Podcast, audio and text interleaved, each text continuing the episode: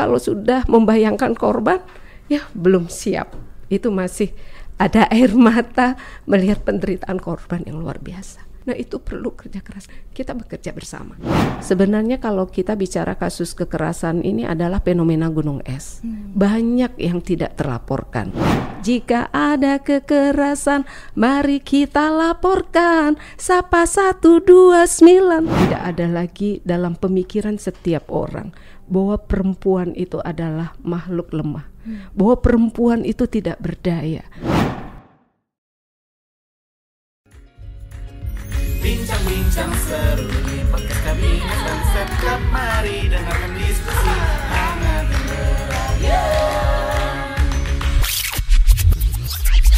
Halo kawan kabinet, selamat datang di Podcaps, podcast kabinet dan sekretariat kabinet. Perkenalkan, saya Nadira dari Sekretariat Kabinet yang akan menjadi host kamu pada episode podcast kali ini. Untuk kawan kabinet yang mungkin belum tahu, sebenarnya apa sih podcast itu? Jadi, podcast adalah podcast resmi Sekretariat Kabinet yang berisi ngobrol-ngobrol dan diskusi tentang berbagai topik, mulai dari kebijakan pemerintah hingga hot issue yang sedang berkembang di masyarakat. Tentunya dikemas dengan penyampaian yang ringan dan santai. Nah, hari ini kita akan ngobrol-ngobrol dengan seseorang yang sangat istimewa. Beliau adalah salah satu menteri perempuan di Kabinet Indonesia Maju. Siapakah dia? Langsung saja kita sambut. Menteri Pemberdayaan Perempuan dan Perlindungan Anak, Ibu Igusti Ayu Bintang Darmawati. Halo Bu Bintang, apa kabar Ibu? Halo, kabar baik. Mbak Nadira, apa kabar? Baik juga Ibu, Alhamdulillah sehat. Dan pastinya semangat sekali Ibu, karena hari ini bisa ngobrol-ngobrol langsung sama Bu Bintang. Sama deh, saya semangat juga diundang di podcast. Ya. Terima kasih Ibu atas uh, kehadirannya di podcast episode kali ini.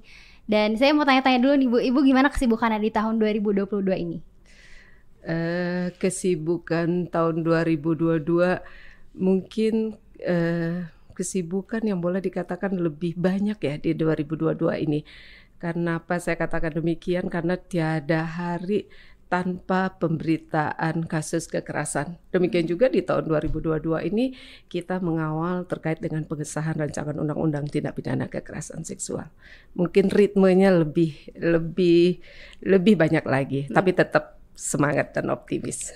Oke, Ibu, ini sebelum kita ngobrol-ngobrol lebih lanjut, saya mau liatin ada foto dan video dulu. Nanti Ibu bisa komentar tentang foto dan videonya ya.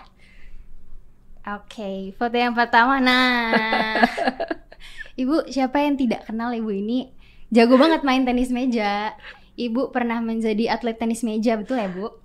Iya, betul. Dan Ibu juga pernah menjadi ketua umum Persatuan Tenis Meja seluruh Indonesia untuk Provinsi Bali. Iya, betul. Tapi masih sering main tenis meja nggak sih, Bu? Uh, kalau main tenis meja di masa mendapatkan mandat dari Bapak Presiden mungkin tidak terlalu rutin ya. Tapi kalau cerita di balik tenis meja ini banyak sekali Wah. cerita menariknya. Boleh Mana denger mau denger apa enggak ya? Rekan pakai mendengar iya. Yang pertama, kalau dari jodoh saya dapatnya dari oh, permainan tenis meja loh. Ibu. Betul. itu kan uh, saya mahasiswa, itu di mahasiswa tahun 90-an ya itu kita membuat event nasional itu ketuanya suami saya sekretarisnya saya. Oh, itu ketemu jodohnya di sana. cinlok dulu iya betul ketua dan sekretaris ya, oh, ya okay. gitu. Itu di tenis meja. Tapi ibu kan kelihatan tetap fit dan prima nih bu. Boleh dong bu bagi tipsnya buat saya juga. Buat kawan kabinet juga yang lagi nonton dan dengerin podcast. Mungkin kita harus jalani hidup dengan apa ya menikmati segala aktivitas ini kita harus nikmati. Bekerja dengan hati bekerja dengan ikhlas mungkin itu juga akan membuat badan kita selalu fit ya. Mungkin itu kuncinya. Jadi segala pekerjaan harus dinikmati. Gitu. mind control juga penting ya bu? Sangat lah kesehatan badan. Betul. Oke ibu ini kita ada video selanjutnya. Kita tonton dulu. Kok terusan ada video? Terus video apaan lagi nih? Biar seru bu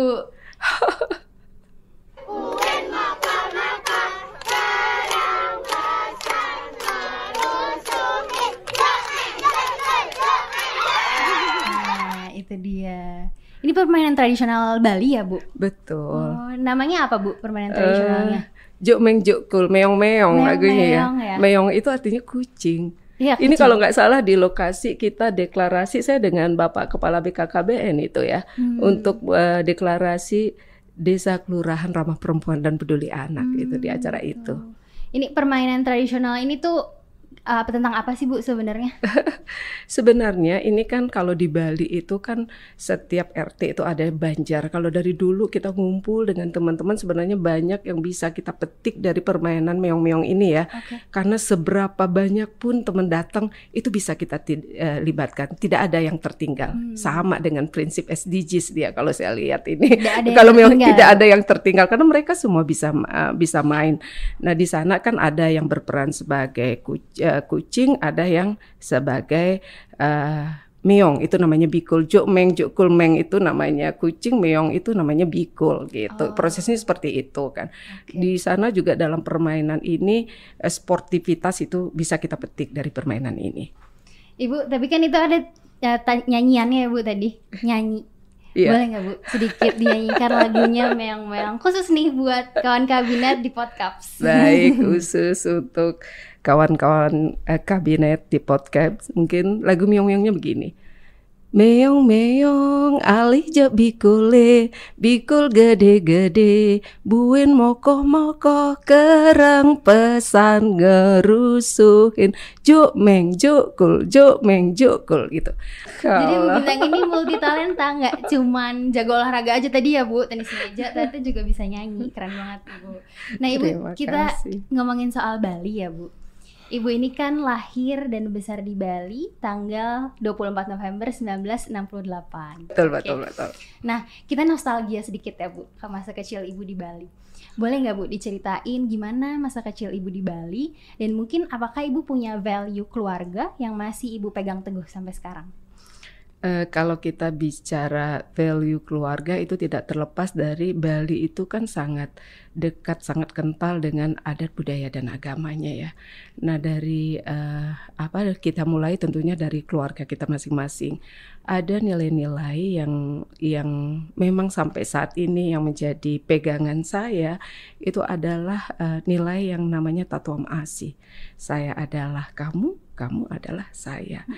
Nah, itu salah salah satu kita bagaimana kita menjaga toleransi, keharmonisan, tidak dengan sesama, tidak hanya sesama manusia makhluk hidup, tapi dengan lingkungan demikian juga dengan Tuhan itu menjadi uh, apa nilai-nilai yang harus kita pegang dalam menjalani kehidupan ini seperti itu. Toleransi ya. Toleransi itu akan sangat penting.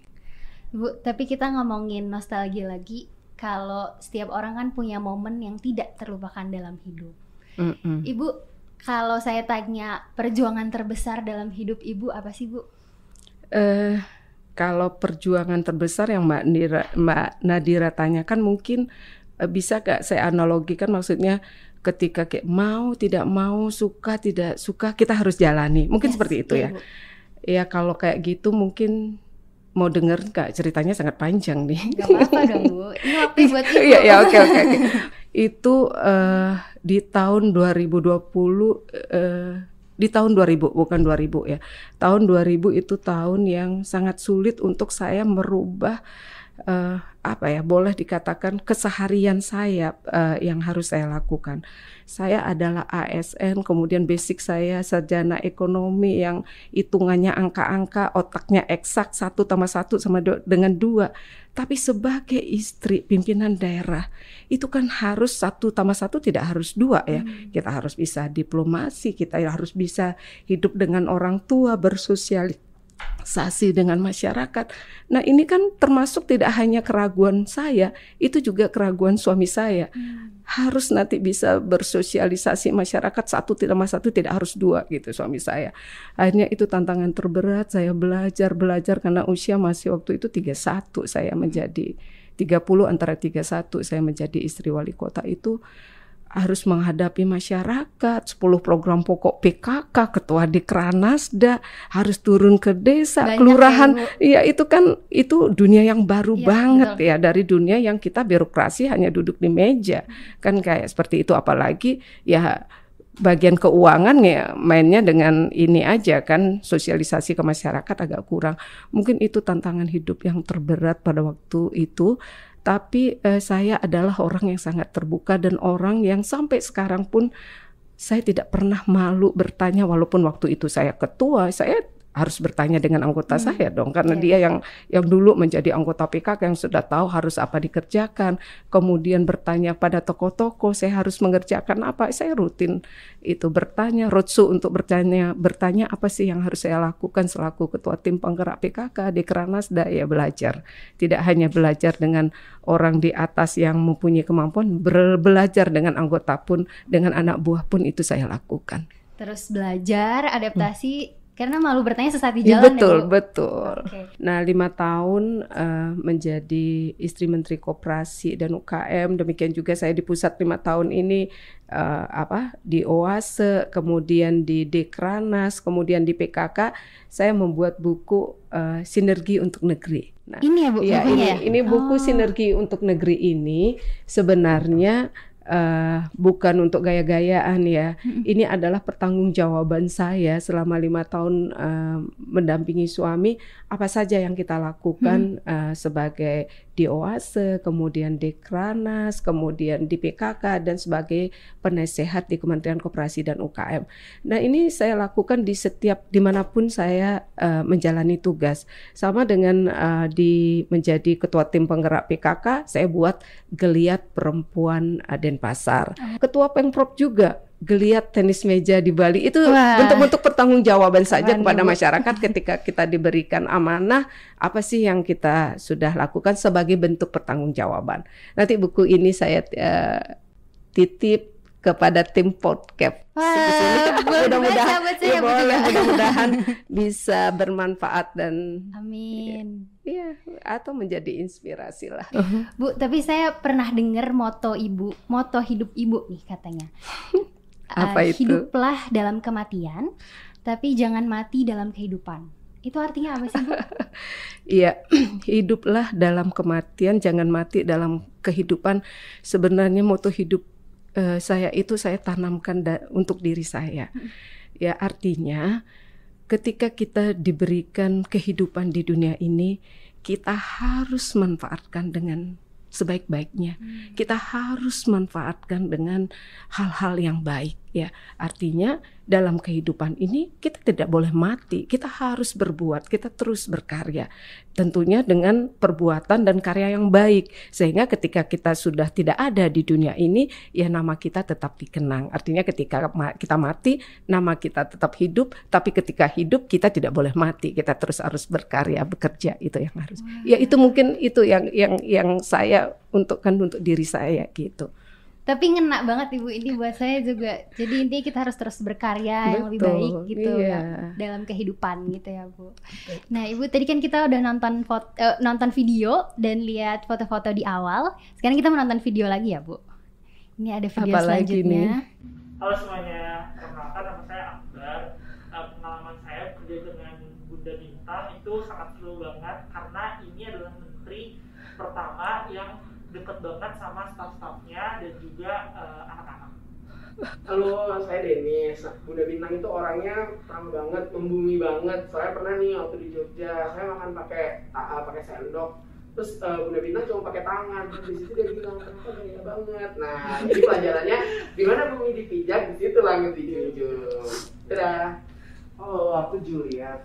Nah, pengalaman yang paling berkesan bagi aku tuh um, Bunda Bintang itu orangnya kerja keras banget di saat tim yang lain udah capek udah gimana gimana dia masih tetap semangat buat kunjungan ke uh, tempat satunya lagi tempat yang lainnya lagi dan bertemu dengan uh, masyarakat gitu. Halo, nama saya Ahmad Sanusi. Uh, kesan kesan bekerja bersama Ibu Menteri. Uh, Alhamdulillah Ibu itu sangat baik, ramah dan teliti. Uh, gitu aja sekian kasih.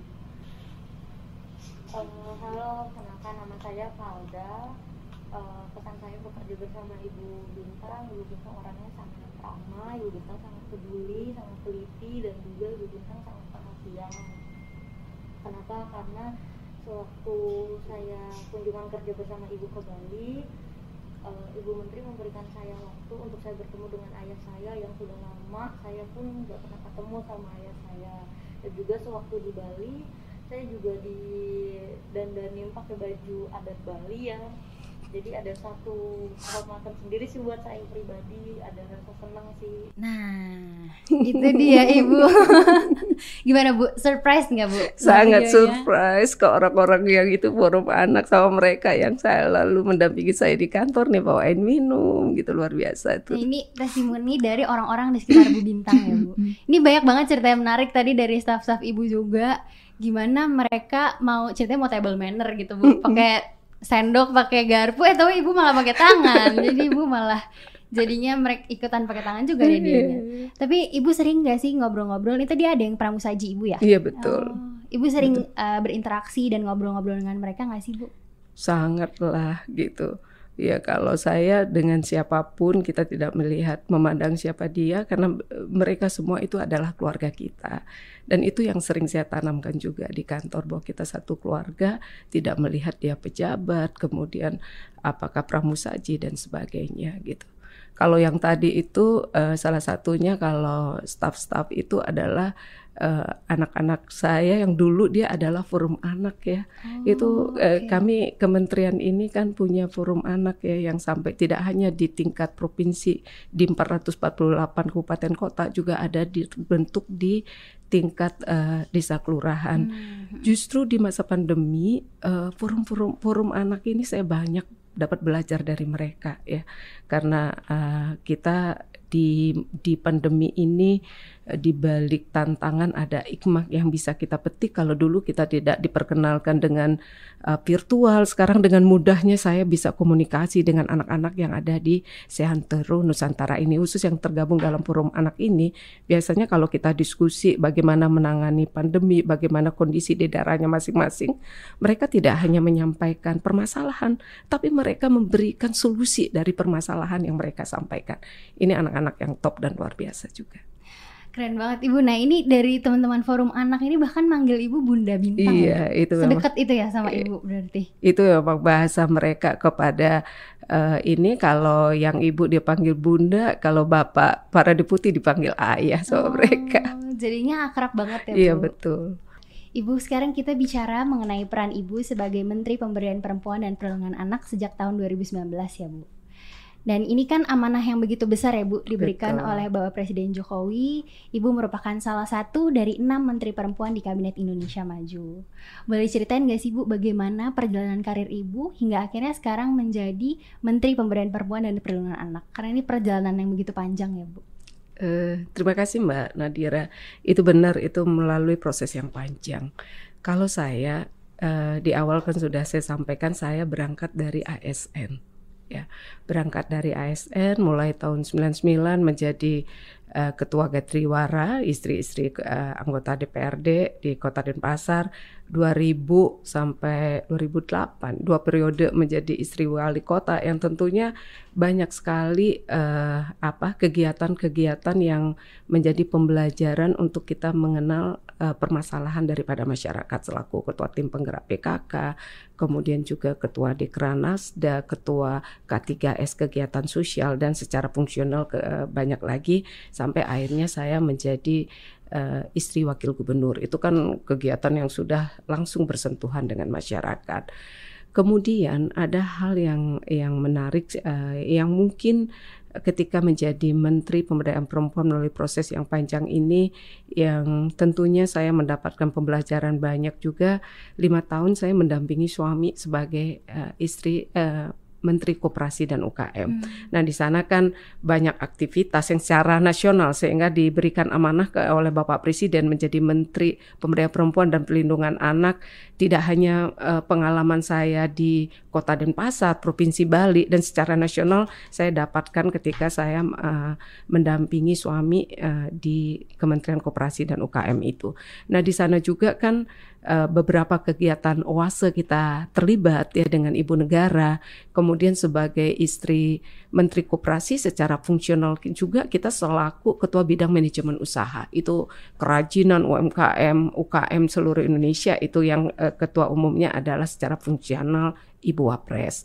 Kemudian juga karena eh, saya di di daerah pernah menjadi ketua tim penggerak PKK kota, kemudian wakil di tingkat provinsi yang menjadi ketum PKK di pusat adalah Bu Erni, saya juga dilibatkan di PKK. Itu kan melalui 10 program pokok PKK mungkin sampai dulu suami saya bilang sama teman-temannya istri saya lebih sibuk dari saya. Jadi menteri karena kan kebanyakan bisa saya bawa koper saya datang suami pergi kayak begitu kan. Karena kita kan belum kegiatan oase dengan ibu negara kemudian belum kegiatan dekranas dengan ibu Yusuf Kala waktu itu belum lagi kegiatan PKK yang 10 program pokok PKK ini juga di seluruh Indonesia Hmm, mungkin kegiatannya banyak ya, ya, Bu? lumayan banyak tapi itu salah satu mungkin eh, pengalaman-pengalaman itu sangat berarti ketika saya diberikan mandat oleh Bapak Presiden menjadi Menteri Pemberdayaan Perempuan dan Perlindungan Anak. Nah, tadi Ibu udah mention sedikit mengenai Bapak Presiden Jokowi. Saya penasaran deh Bu, gimana sih rasanya kerja bareng bareng Pak Presiden Jokowi? Mungkin eh, satu hal yang kita bisa petik adalah semangat beliau yang luar biasa ya. Semangat beliau bagaimana kita harus kerja kerja kerja kita tidak bisa kerja di atas meja tapi bagaimana kerja kerja kita itu betul-betul dirasakan oleh rakyat. Makanya harus rajin turun lapangan sehingga kita tahu betul kondisi apa yang di dialami rakyat sehingga solusi ataupun melalui program kebijakan kita tepat sasaran mungkin. Ibu, ini kita udah nonton foto, eh, udah lihat video, kemudian lihat foto juga. Nah, selanjutnya ada satu video lagi yang Ibu bisa tonton. Hari ini aku di rumah Bu Bintang senang-senang. Habis itu main-main, berenang, makan, makan bareng. Ini itu pokoknya banyak lah hal yang enak di sini. Saya Sama, sama-sama ya. Sama-sama, kamu sehat, rajin belajar ya. Kalau momen ini, ini adalah anak-anak yang yatim piatu karena COVID. Ya, Eh, saya di tahun 2000 dua, mulai 2021 awal ya pertengahan tahun 2020 kita kerjasama dengan UNICEF ya kita kerja eh, sama dengan UNICEF eh, membuat aplikasi Rapid Pro. Nah dari Rapid Pro itu kita melihat eh, berapa anak yang yatim, kemudian piatu dan yatim piatu karena COVID. Kalau saya melihat datanya sampai saat ini ada hampir 35 ribu ya 800 sekian anak-anak yang yatim piatu dan yatim piatu selama COVID. Di tahun 2021 ini eh, kalau kita bicara eksekusi lagi, kalau ke, ber- berbicara ke kegiatan kemanusiaan sebenarnya karena eh, itu kita harus peduli dan berbagi harus dilakukan oleh semua orang ya.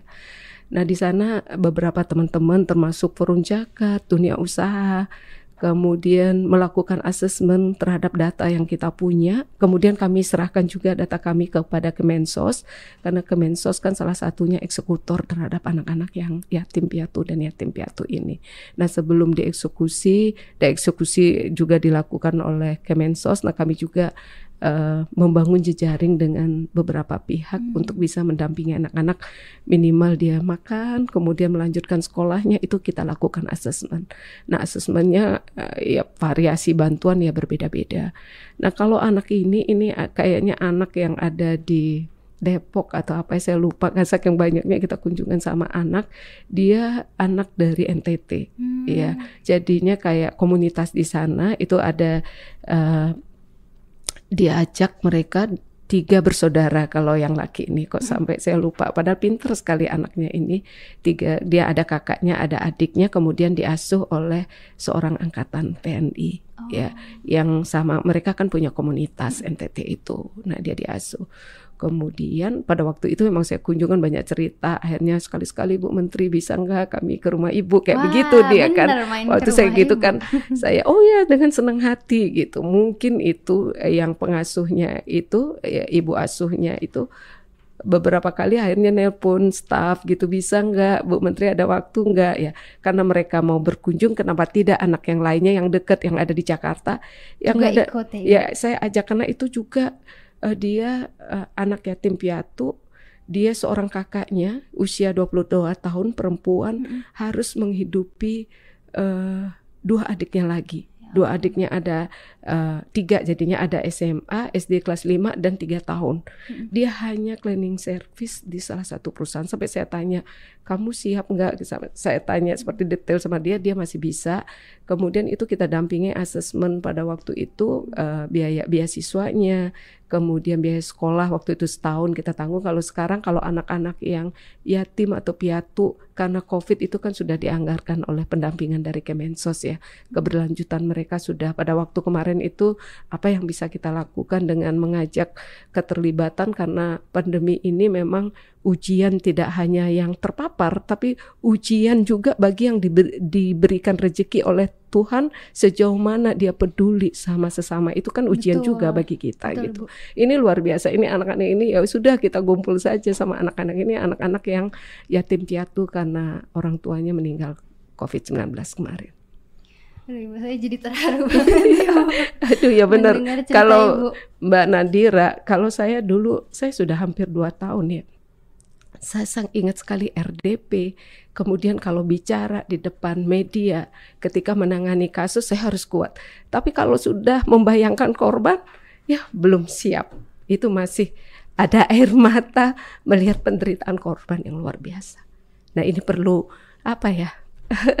saya bilang saya harus kuat memang tapi realitanya seperti itu ya banyak anak-anak apalagi di Indonesia Timur karena kita minim psikolog klinis ya untuk pendampingan psikososial anak-anak ini nah itu perlu kerja keras kita bersama tapi alhamdulillahnya teman-teman semua kementerian lembaga teman-teman dunia usaha jaringan kita bekerja bersama-sama untuk bergotong royong bersama Semuanya terdampak ya Bu karena COVID-19 ini. Mm-mm. Saya juga ingat jadi teman saya juga ada Bu itu yang terdampak karena COVID-19.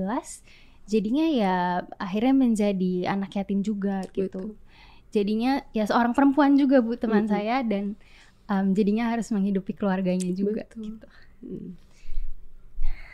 Ibu, ibu kan merupakan orang nomor satu dari institusi yang begitu besar ya Bu, Kemen PPPA. Ini yang saya penasaran lagi nih Bu, gimana sih cara ibu mem- memimpin instansi yang begitu besar? Ada berbagai level jabatan di situ, ada berbagai gender juga di dalamnya. betul Dan tentunya sebagai perempuan juga ada tantangan tersendiri ya Bu. betul Gimana sih Bu? Saya ingat sekali ketika saya masuk eh, di kementerian ini, saya sudah sampaikan, saya kumpulkan jajaran setelah eh, kita pelantikan, kita akan ketemu sama mereka. Saya sampaikan sama mereka bahwa saya, ya, saya eh, yang akan eh, apa, yang leading di kementerian ini, tentunya saya menitipkan diri saya kepada mereka pada teman-teman yang ada di jajaran Kemen PPA. Kita akan terbuka. Saya tidak bawa gerbong karena saya akan bisa bekerja dengan siapa pun. Ya dengan catatan saya harapkan mereka mendukung saya karena tidak sehebat apa pun seorang leader kalau tidak didukung oleh anak buahnya, dia tidak akan mencapai hasil yang maksimal. Betul. Makanya eh, sering saya sampaikan sama mereka bahwa saya sangat terbuka dengan kritik gitu. Bagi saya kritik itu adalah dan juga saya harapkan sama mereka kalau saya marah, kalau saya apa, itu bagian dari saya cinta sama mereka karena mereka adalah keluarga saya. Dalam satu atap kita harus saling selalu mengingatkan satu sama lain gitu kan. Maka silahkan kritik saya karena semakin eh, teman-teman mengkritik saya itu adalah pembelajaran bagi saya untuk kita tetap mengevaluasi. Itu pun tidak hanya saya lakukan di internal saya. Kalau Kemen PPA ini kan kementerian yang tusinya koordinatif, ya sinkronisasi kebijakan, yang kita bagaimana membangun networking ya, baik dengan kementerian lembaga, dengan jaringan masyarakat itu akan menjadi penting. Kerjasama dengan kerja- semuanya ya Bu. semua stakeholder yang ada, karena kita adalah uh, kementerian koordinatif, karena ke- yang bisa mengeksekusi terkait dengan pemberdayaan perempuan, pemenuhan hak anak ini adalah uh, para mitra-mitra kami, baik itu di pusat kementerian lembaga kemudian di daerah adalah gubernur bupati, demikian juga teman-teman jaringan masyarakat. Mbak Nadira saya sampaikan, eh, setiap saya turun ke daerah, kalimat yang tidak pernah saya lupakan sampaikan kepada gubernur bupati pasti seperti ini. Kalau misalnya di tingkat provinsi, gubernur kemudian mengumpulkan bupati wali kota pasti saya sampaikan begini. Pak Gubernur, Bapak Bupati, kalau menteri datang ke daerah pasti membawa bantuan. Tapi kalau menteri PPA datang ke daerah, menteri PPA-nya yang minta bantuan kepada gubernur, bupati, wali kota, apa sih kebijakannya? Apa sih programnya untuk perempuan dan anak di daerahnya masing-masing karena kekuatan dalam pemberdayaan pemenuhan hak anak tidak terlepas dari program kebijakan dari pimpinan daerah. Hmm, jadi memang karena grassroots ya Bu, Betul. jadi memang harus Iya. bekerja sama dengan pemerintah daerah. Mungkin kan di Indonesia ini masih kuat dengan budaya patriarki ya. Gimana sih Bu untuk ya istilahnya supaya budaya itu tuh nggak terlalu terlihat lagi gitu dan nggak diterapkan terus menerus. PR kita ya, saya sekarang hampir dua tahun di kementerian ini. Nah, kalau kita melihat, kalau kita melihat dari jumlah penduduk, perempuan ini mengisi setengah loh dari populasi Indonesia. Iya, betul, Bu. 49-45 persen adalah perempuan. Nah itu kan artinya kekuatan. Tapi ketika kita melihat data dan indeks, apakah itu IPM, indeks pembangunan manusia yang mengukur dari aspek pendidikan, kemudian juga ekonomi. Nah ini kan eh, kesehatan. Nah ini kan eh, kesenjangan IPM laki dan perempuan ini luar biasa mengangkat tinggi. Ini kita lihat dari IPG. Kemudian juga ketika kita melihat indeks pemberdayaan gender, ini masih PR untuk kita selesaikan. Nah ini kita melihat nih ada apa? Kalau kita melihat regulasi kebijakan tentang pemberdayaan perempuan, perlindungan terhadap perempuan, ini sudah luar biasa. Tapi ya kembali lagi ketika melihat data dan indeks, ini harus menjadi PR yang harus kita selesaikan.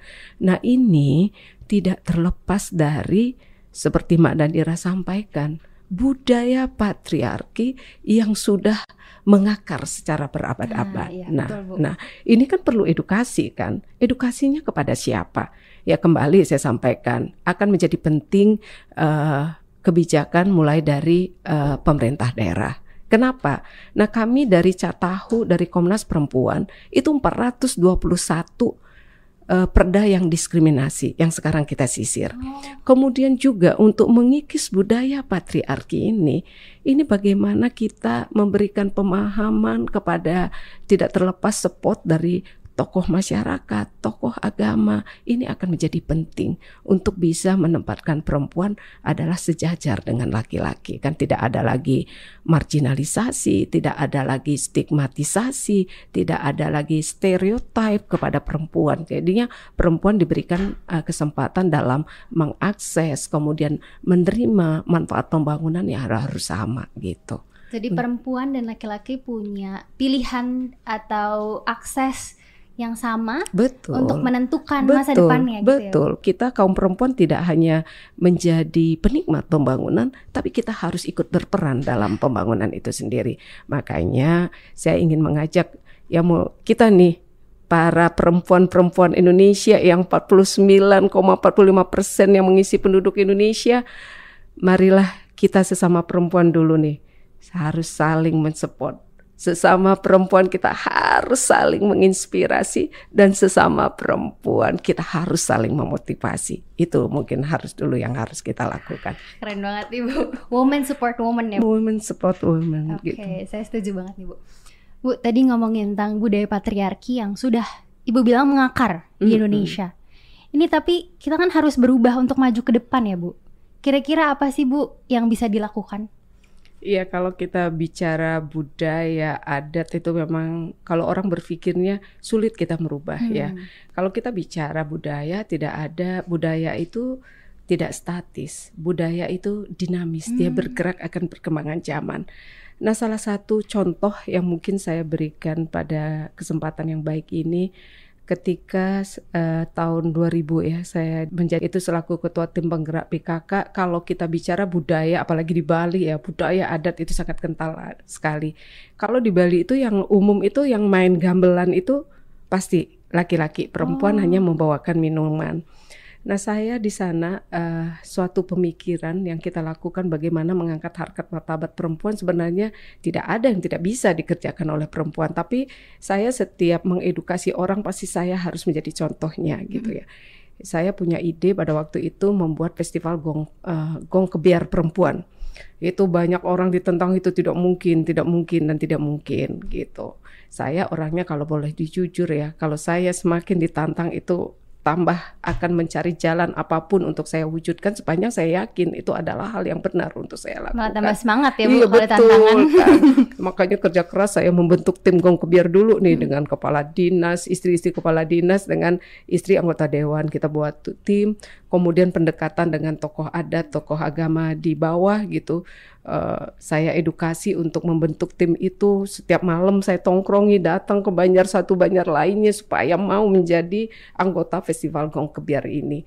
Saya ingat sekali uh, ketika saya melakukan event itu teman-teman media, kadang-kadang saya bisa terbangun malamnya nangis gitu loh. Katanya oh. uh, sudah melaksanakan festival tidak ada peserta itu sampai terbawa mimpi oh. saking kita ditentangnya itu tidak tidak akan mungkin tapi akhirnya itu bisa kita wujudkan okay. ya dan itu akan uh, berlanjut selama saya melanjutkan dua periode kemudian dilanjutkan lagi oleh pengganti saya tetap ada festival Gong Kebiar itu. Jadinya setiap sekarang di apa di desa gitu ada event sudah banyak yang di pura gitu udah main gongnya perempuan. Jadinya perempuan apa? main juga ya iya Bu? makanya uh, asalkan kita ada pendekatan edukasi yang budaya yang yang dikatakan itu budaya yang sulit pasti akan bisa itu contoh terkait dengan uh, saya di Sumba setelah menjadi menteri. Hmm. Nah itu kan sangat miris ketika perempuan ada di depan rumah ditangkap dinaikkan carry itu kan viral hmm. pertengahan tahun Juni ya 2020 itu kan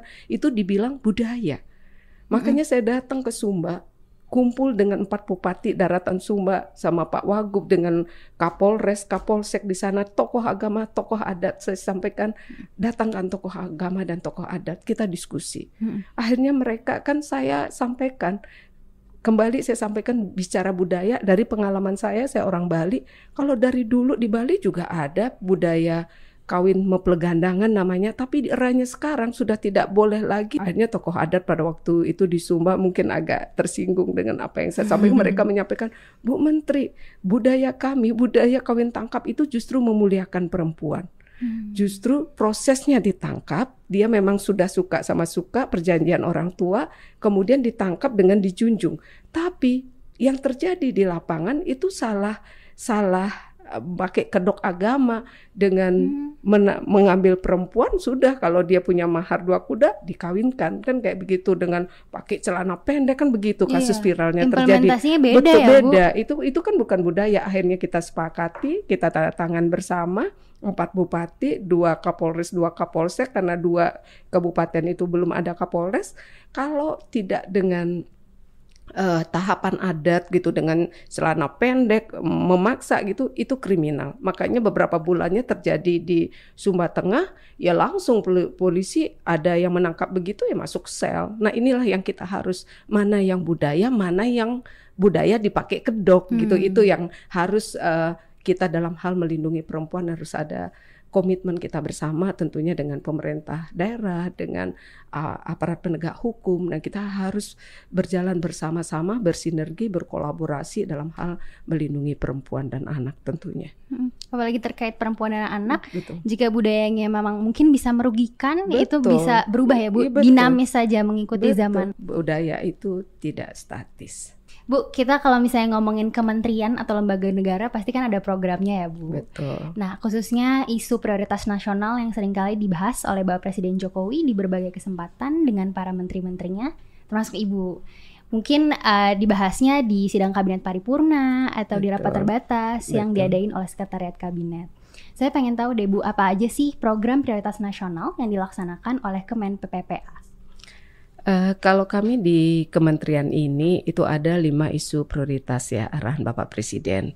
Yang yang pertama itu adalah peningkatan uh, peran uh, perempuan di bidang kewirausahaan yang berperspektif gender, peran ibu dan keluarga dalam uh, pengasuhan dan pendidikan anak, penurunan uh, angka kekerasan terhadap perempuan dan anak, penurunan pekerja anak dan perkawinan anak. Nah, itu lima isu. Nah, khusus di dalam peningkatan peran perempuan di bidang kewirausahaan ini, nah kami di kementerian ini kami fokuskan. Kami fokuskan kepada siapa? Itu adalah uh, perempuan prasejahtera kemudian uh, perempuan kepala keluarga dan perempuan penyintas. Apakah dia penyintas bencana maupun penyintas kekerasan. Hmm. Nah, uh, terkait dengan eksekusi untuk memberikan pelatihan, tentu kami tidak bisa sendiri kementerian ini. Nah, sekali lagi kami sampaikan kami bukan kementerian teknis. Inilah yang kami uh, sinergikan, kolaborasikan dengan teman-teman kementerian lembaga terkait, demikian juga para dunia usaha, para teman-teman uh, jaringan masyarakat yang kita ajak bekerja sama untuk uh, mendampingi tiga daripada prioritas ini. Nah, khusus kami Mbak Nadira saya sampaikan terkait dengan perempuan prasejahtera ketika saya dipanggil oleh Bapak Presiden ini saya tahunya program Mekar dari Bapak Presiden juga ya. ya pada waktu itu uh, arahan Bapak Presiden saya langsung tindak lanjuti saya ketemu dengan dirutnya tentu izin dulu dengan Pak Menteri BUMN waktu itu. Nah, itu kita sekarang ini itu ada 11,3 juta perempuan prasejahtera oh. yang sudah didampingi melalui program mekarnya dan uh, menariknya lagi ya karena kami kementerian ini tidak punya kaki tangan di daerah melalui uh, eh, PT PNM ini mereka kan punya pendamping nih pendampingnya para AO itu ada 40 ribuan kalau tidak salah kurang lebih ya.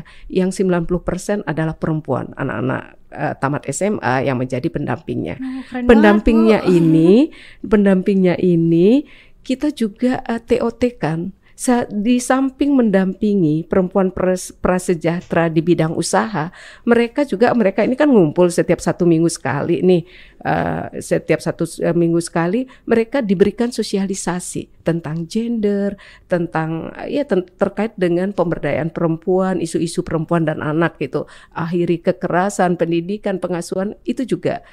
Kemudian ada hal yang menarik Mbak uh, saya di beberapa dengar testimoni ya. Kalau dulu sebelum pandemi ini intens kita bisa lihat nih uh, pendampingan program Mekar ini itu dari testimoni para AO, adik-adik AO ini menyampaikan Bu Menteri, ibu-ibunya uh, yang sulitnya mereka kalau ngitung uangnya pinter, tapi baca tulis tidak bisa. Ada juga oh, seperti itu pendampingan gitu ya, sampai sampai baca tulis dia belajar pendampingan seperti itu. Luar biasa pengabdian para AO yang ada di uh, program Mekar ini. Keren banget tuh dengar ceritanya. Ya, Tapi iya. saya ingat di beberapa kesempatan Ibu menyampaikan bahwa perempuan yang berdaya secara ekonomi iya. itu merupakan salah satu langkah utama untuk betul. menghentikan kekerasan, Bu. Sangat betul.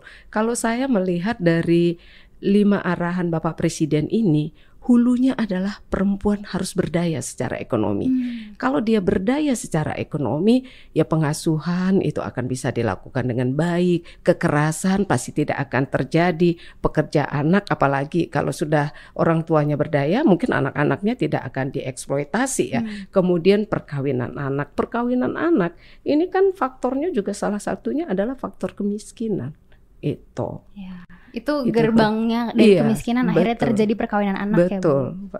Nah, saya juga menggarisbawahi program prioritas mengenai penurunan kekerasan terhadap perempuan dan anak. Sebenarnya apa saja sih Bu upaya yang sudah pemerintah lakukan terhadap program ini? Uh, kalau kita bicara masalah penurunan kekerasan ini kan menjadi concernnya Bapak Presiden ya. Ini kami di kementerian ini saya ingat sekali Uh, kita diberikan kesempatan ratas waktu itu itu hmm. sudah jauh ya 9 Januari 2020 lah dari hasil ratas itu keluarlah uh, uh, apa namanya PP ya Perpres 65 2020 kami mendapatkan tusi tambahan tusi implementatif hmm. terkait dengan layanan rujukan akhir demikian juga layanan uh, tingkat nasional maupun internasional penanganannya.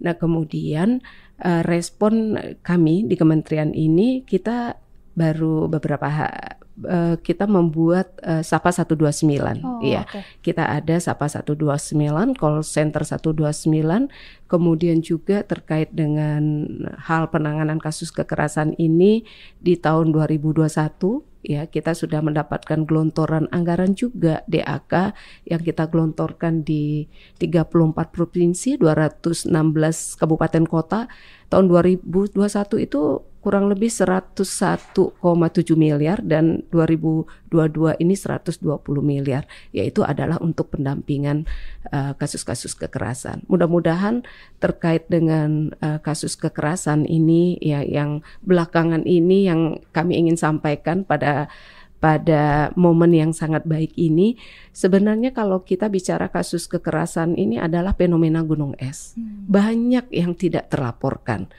Kalau kita bicara prevalensi, kami kementerian baru saja kerjasama dengan BPS ya kita uh, merilis survei daripada kekerasan ini. Kalau survei pengalaman hidup perempuan itu terakhir dilakukan 2016 dan anak 2018, tapi di 2021 ini secara prevalensi sebenarnya kekerasan itu adalah menurun. Tapi yang meningkat satu tahun ini adalah uh, kekerasan seksual yang dilakukan selain pasangan. Dan Ibu tadi juga sempat menyampaikan tentang Sapa 129. Mm -mm. Ini yang menarik Bu. Ini kan mungkin inovasi atau yang baru belum lama ini diluncurkan yeah. ya Bu. Jadi ini sebuah layanan pengaduan. Betul. Jangan sampai terjadi. Tapi Betul. jika ada kawan kabinet yang mungkin membutuhkan, jadi bisa lapor ke Betul. Sapa 129 itu Betul. ya Bu. Betul. Oh, Iya itu baru kemarin kita buat ininya lomba uh, ya kalau tadi saya disuruh nyanyi mau nggak denger nyanyi bagaimana kita mengedukasi ya, dong, kalau Sapa 129 ini kemarin kita edukasi uh, ada kita launching sebuah lagu Sapa 129 kemudian yang kita harapkan mereka terngiang-ngiang selalu dengan Sapa 129 Sapa 129 ini adalah sahabat perempuan dan anak. Okay. Nah, saya baca eh, saya nyanyikan di ujungnya saja ya supaya okay. siapa pun yang melihat harus peduli agar melaporkan ke Sapa 129. Nah. Ya, ujungnya saja. Silahkan Ibu. la la la perempuan berdaya, la la la anak-anak terlindungi, la la la semua harus peduli. Jika ada kekerasan, mari kita laporkan. Sapa satu dua sembilan gitu. Oh, keren banget ibu. Jadi, nah, nah kenapa perempuan itu harus diberdayakan, Mbak Nadira? Karena perempuan itu adalah berhati berlian gitu. Kenapa anak-anak kita lindungi? Karena anak-anak adalah titisan surga. Itu ada lagunya juga. Wah. Nanti kalau kebanyakan nyanyi nanti beda lagi. Jadi karaokean gitu. Iya betul. Ibu, tapi itu menarik banget dari jinglenya itu bahwa semua harus, harus peduli, peduli dan melaporkan Betul, jika melihat jika melihat ya melihat mendengar ini kan tidak harus korban saja melaporkan Betul. ketika melihat mendengar laporkan ke Sapa 129. Nah, mantap itu Ibu. Terima kasih Ibu Terima kasih loh. Lagi. Bu, ini kan kita tadi udah ngomongin program-program yang uh, sudah berjalan atau Betul. dalam waktu dekat akan berjalan. Betul. Tapi saya ingin tahu apa aja sih Bu rencana dan target ke depan dari Kementerian PPPA. Mm -mm.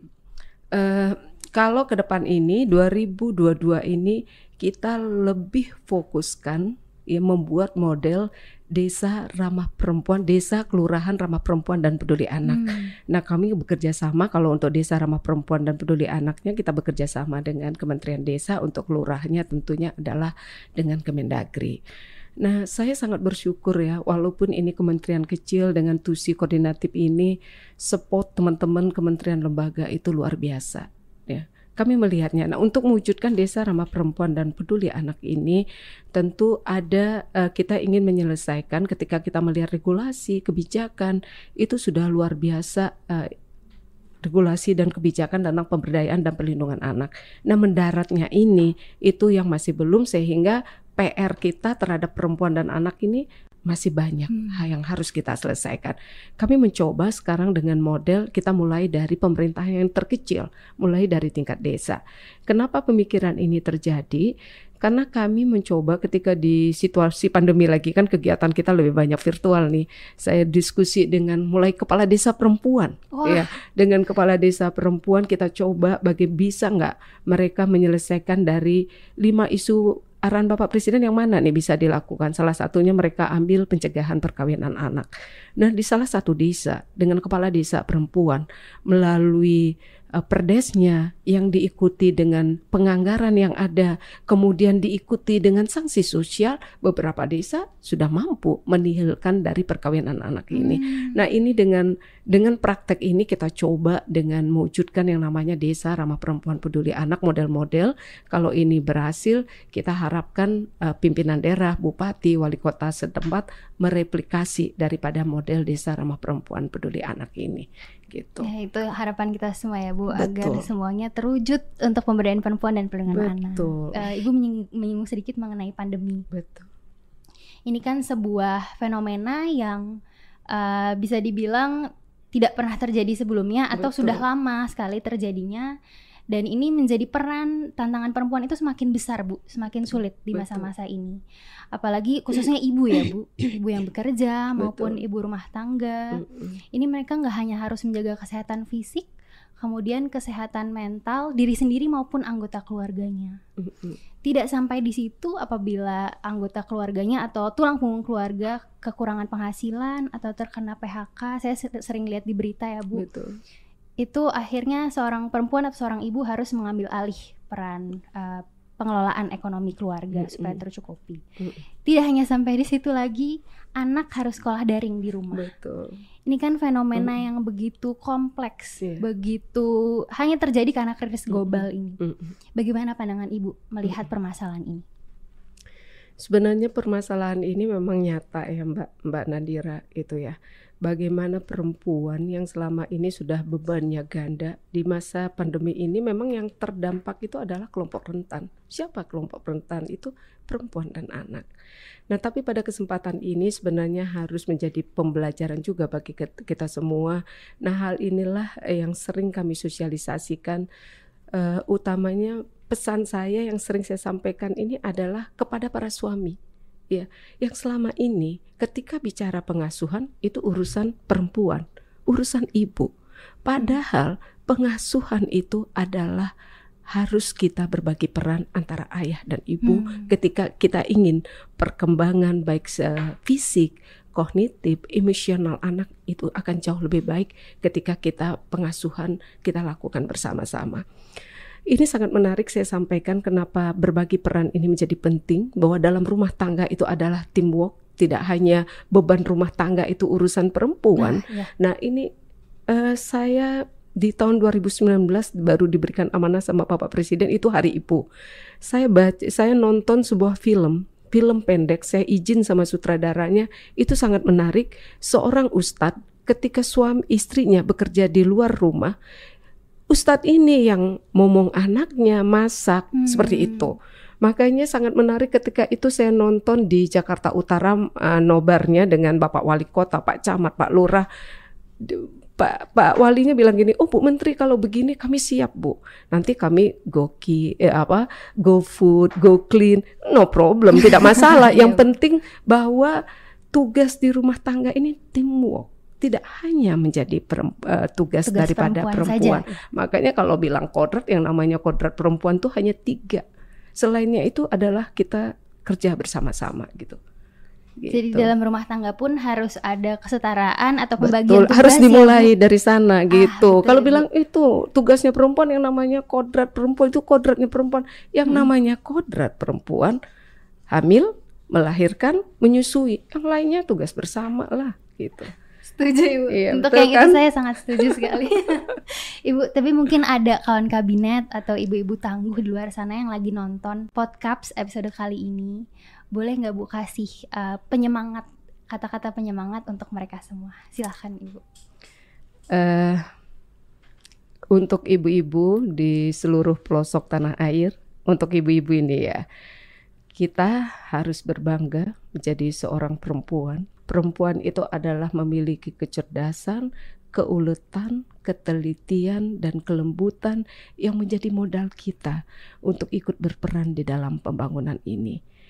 Kita tidak boleh ada kata menyerah, tidak ada lagi dalam pemikiran setiap orang bahwa perempuan itu adalah makhluk lemah, Hmm. bahwa perempuan itu tidak berdaya. Perempuan ketika diberikan kesempatan tidak ada yang tidak mungkin dan tidak bisa yang dia akan lakukan. Mungkin seperti itu. Harus tetap semangat. Mungkin saya kata kuncinya sekali lagi, marilah perempuan-perempuan seluruh Indonesia kita mulai saling mendukung, saling menginspirasi, saling memotivasi untuk mewujudkan perempuan yang berdaya Indonesia maju. Mantap Ibu.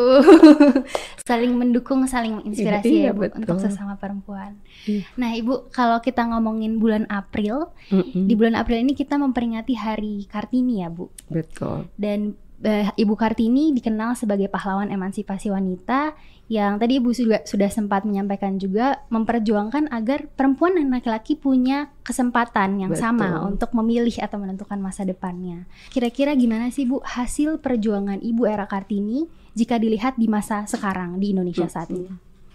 Eh, kalau kita melihat apa yang diperjuangkan oleh Ibu Kartini kan bagaimana para perempuan bisa mengenyam pendidikan, kemudian bagaimana perempuan bisa berkarya di ranah publik ya. Sebenarnya perjuangan-perjuangan Ibu Kartini itu sudah terlihat ya. Kan banyak sudah perempuan yang bisa berkiprah di ranah publik, perempuan bisa mengenyam pendidikan setinggi-tingginya, perempuan bisa menjadi pemimpin. Dan sekarang pun kan perempuan pernah menjadi presiden, Ibu Megawati, ketua DPR sekarang Bu Puan dan banyak men- menteri-menteri perempuan sudah banyak. Kemudian tapi saya melihat PR kita untuk perempuan belum menemukan kata selesai. Masih banyak ya Bu PR-nya. Karena kalau kita bicara prosentase, ini masih terus kita kejar. Hmm. Kenapa saya katakan demikian? Kalau kita melihat ada 34 provinsi, gubernurnya baru satu, seperti gitu kan. Yang perempuan ya, yang Bu? perempuan. Perempuan. Ke kalau kepala desa dari 74 ribu lebih kepala Hmm. desa, baru 3.900 perempuan. Prosentasenya sangat kecil. Perwakilannya masih Iya, sedikit sangat ya Bu. sedikit. Kemudian kuota, kalau kita melihat kuota 30% ini kan sudah lama. Mm. Nah, sampai saat ini baru 21%, tapi peningkatan itu sudah terus. Tapi memang kalau kita ingin eh, mencapai sesuatu kan tidak semudah membalikkan telapak tangan ya. Harus berangsur-angsur berangsur akhir- akhirnya kita mencapai tujuan. Tapi harapan kita harus tetap semangat, tidak ada yang Amin. tidak mungkin, tapi kita harus para perempuan harus mengisi setiap peluang dan kesempatan yang ada apa yang diperjuangkan oleh Ibu eh, Kartini tidak hanya menjadi inspirasi, tapi betul-betul kita implementasikan dalam perjuangan kehidupan kita sehari-hari para perempuan Indonesia. Perempuan bisa pokoknya ya Bu. Betul, tidak ada istilah tidak bisa. Betul Ibu. Bu, ini kita udah ngobrol ternyata udah panjang juga, udah berapa jam kita ngobrol.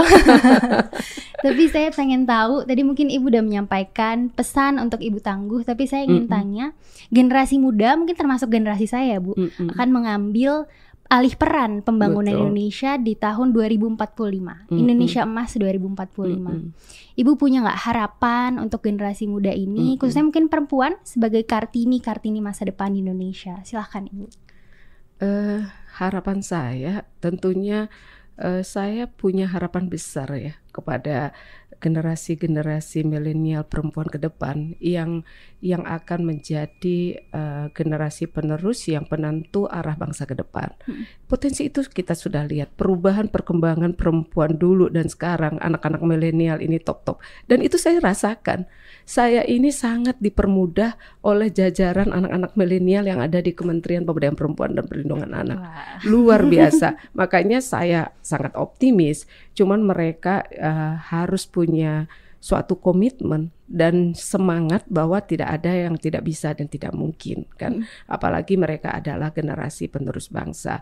Nah, kita harus ditanamkan dalam diri anak-anak muda eh, terutama perempuan-perempuan milenial ketika eh, kesetaraan gender itu kita bisa implementasikan kemudian kesejahteraan bangsa dan negara ini pasti akan terwujud tidak hanya bagi kaum perempuan itu sendiri tapi itu akan berdampak kepada keluarga, lingkungan setempat dan tentunya kepada bangsa dan negara ini. Makanya akan menjadi penting keterlibatan perempuan dalam setiap lini pembangunan dan seanak-anak generasi milenial khususnya perempuan tetaplah semangat bahwa kalian adalah eh, generasi-generasi hebat dan luar biasa. Ini untuk saya juga ya Bu Iya pesannya. Nah, paling dekat kan harus bertanggung jawab dengan komitmen itu. Ngena banget buat saya Bu. Yang jelas saya belajar banyak dari Ibu hari ini. Intinya perempuan bisa untuk melakukan semuanya, Mm-mm. tidak ada kata tidak bisa Mm-mm. dan woman support woman ya Bu. Betul. Kita sebagai sama perempuan harus Mm-mm. saling mendukung dan Betul. menginspirasi juga. Betul. Terima kasih banyak Bu Bintang Sama-sama. atas waktu dan obrolan serunya. Sama-sama. Banyak ilmu yang saya pelajari dari Bu Bintang juga hari Iya, ini. Sama-sama. Dan tentunya juga terima kasih untuk kawan kabinet karena sudah menonton dan mendengarkan podcast episode kali ini. Terakhir saya ingin mengucapkan selamat Hari Kartini untuk Bu Bintang dan Sama-sama. juga untuk seluruh perempuan Indonesia. Semoga Hari Kartini tidak hanya menjadi perayaan semata, tapi bisa menginspirasi kita untuk terus berjuang demi kemajuan bangsa. Oh ya, untuk kawan kabinet yang mungkin punya ide atau saran, mau topik apa sih, atau mungkin bintang tamunya siapa di podcast episode selanjutnya, boleh banget langsung tulis di kolom komentar di bawah ya. Dan jangan lupa juga untuk subscribe, like, dan share YouTube channel Sekretariat Kabinet, dan dengerin bincang-bincang ini melalui platform Spotify. Tunggu episode podcast selanjutnya. Saya Nadira pamit dulu. Baik kawan kabinet, saya healthy ya. Bincang-bincang seru Podcast kami dan setiap mari dengarkan diskusi hangat dan beragam.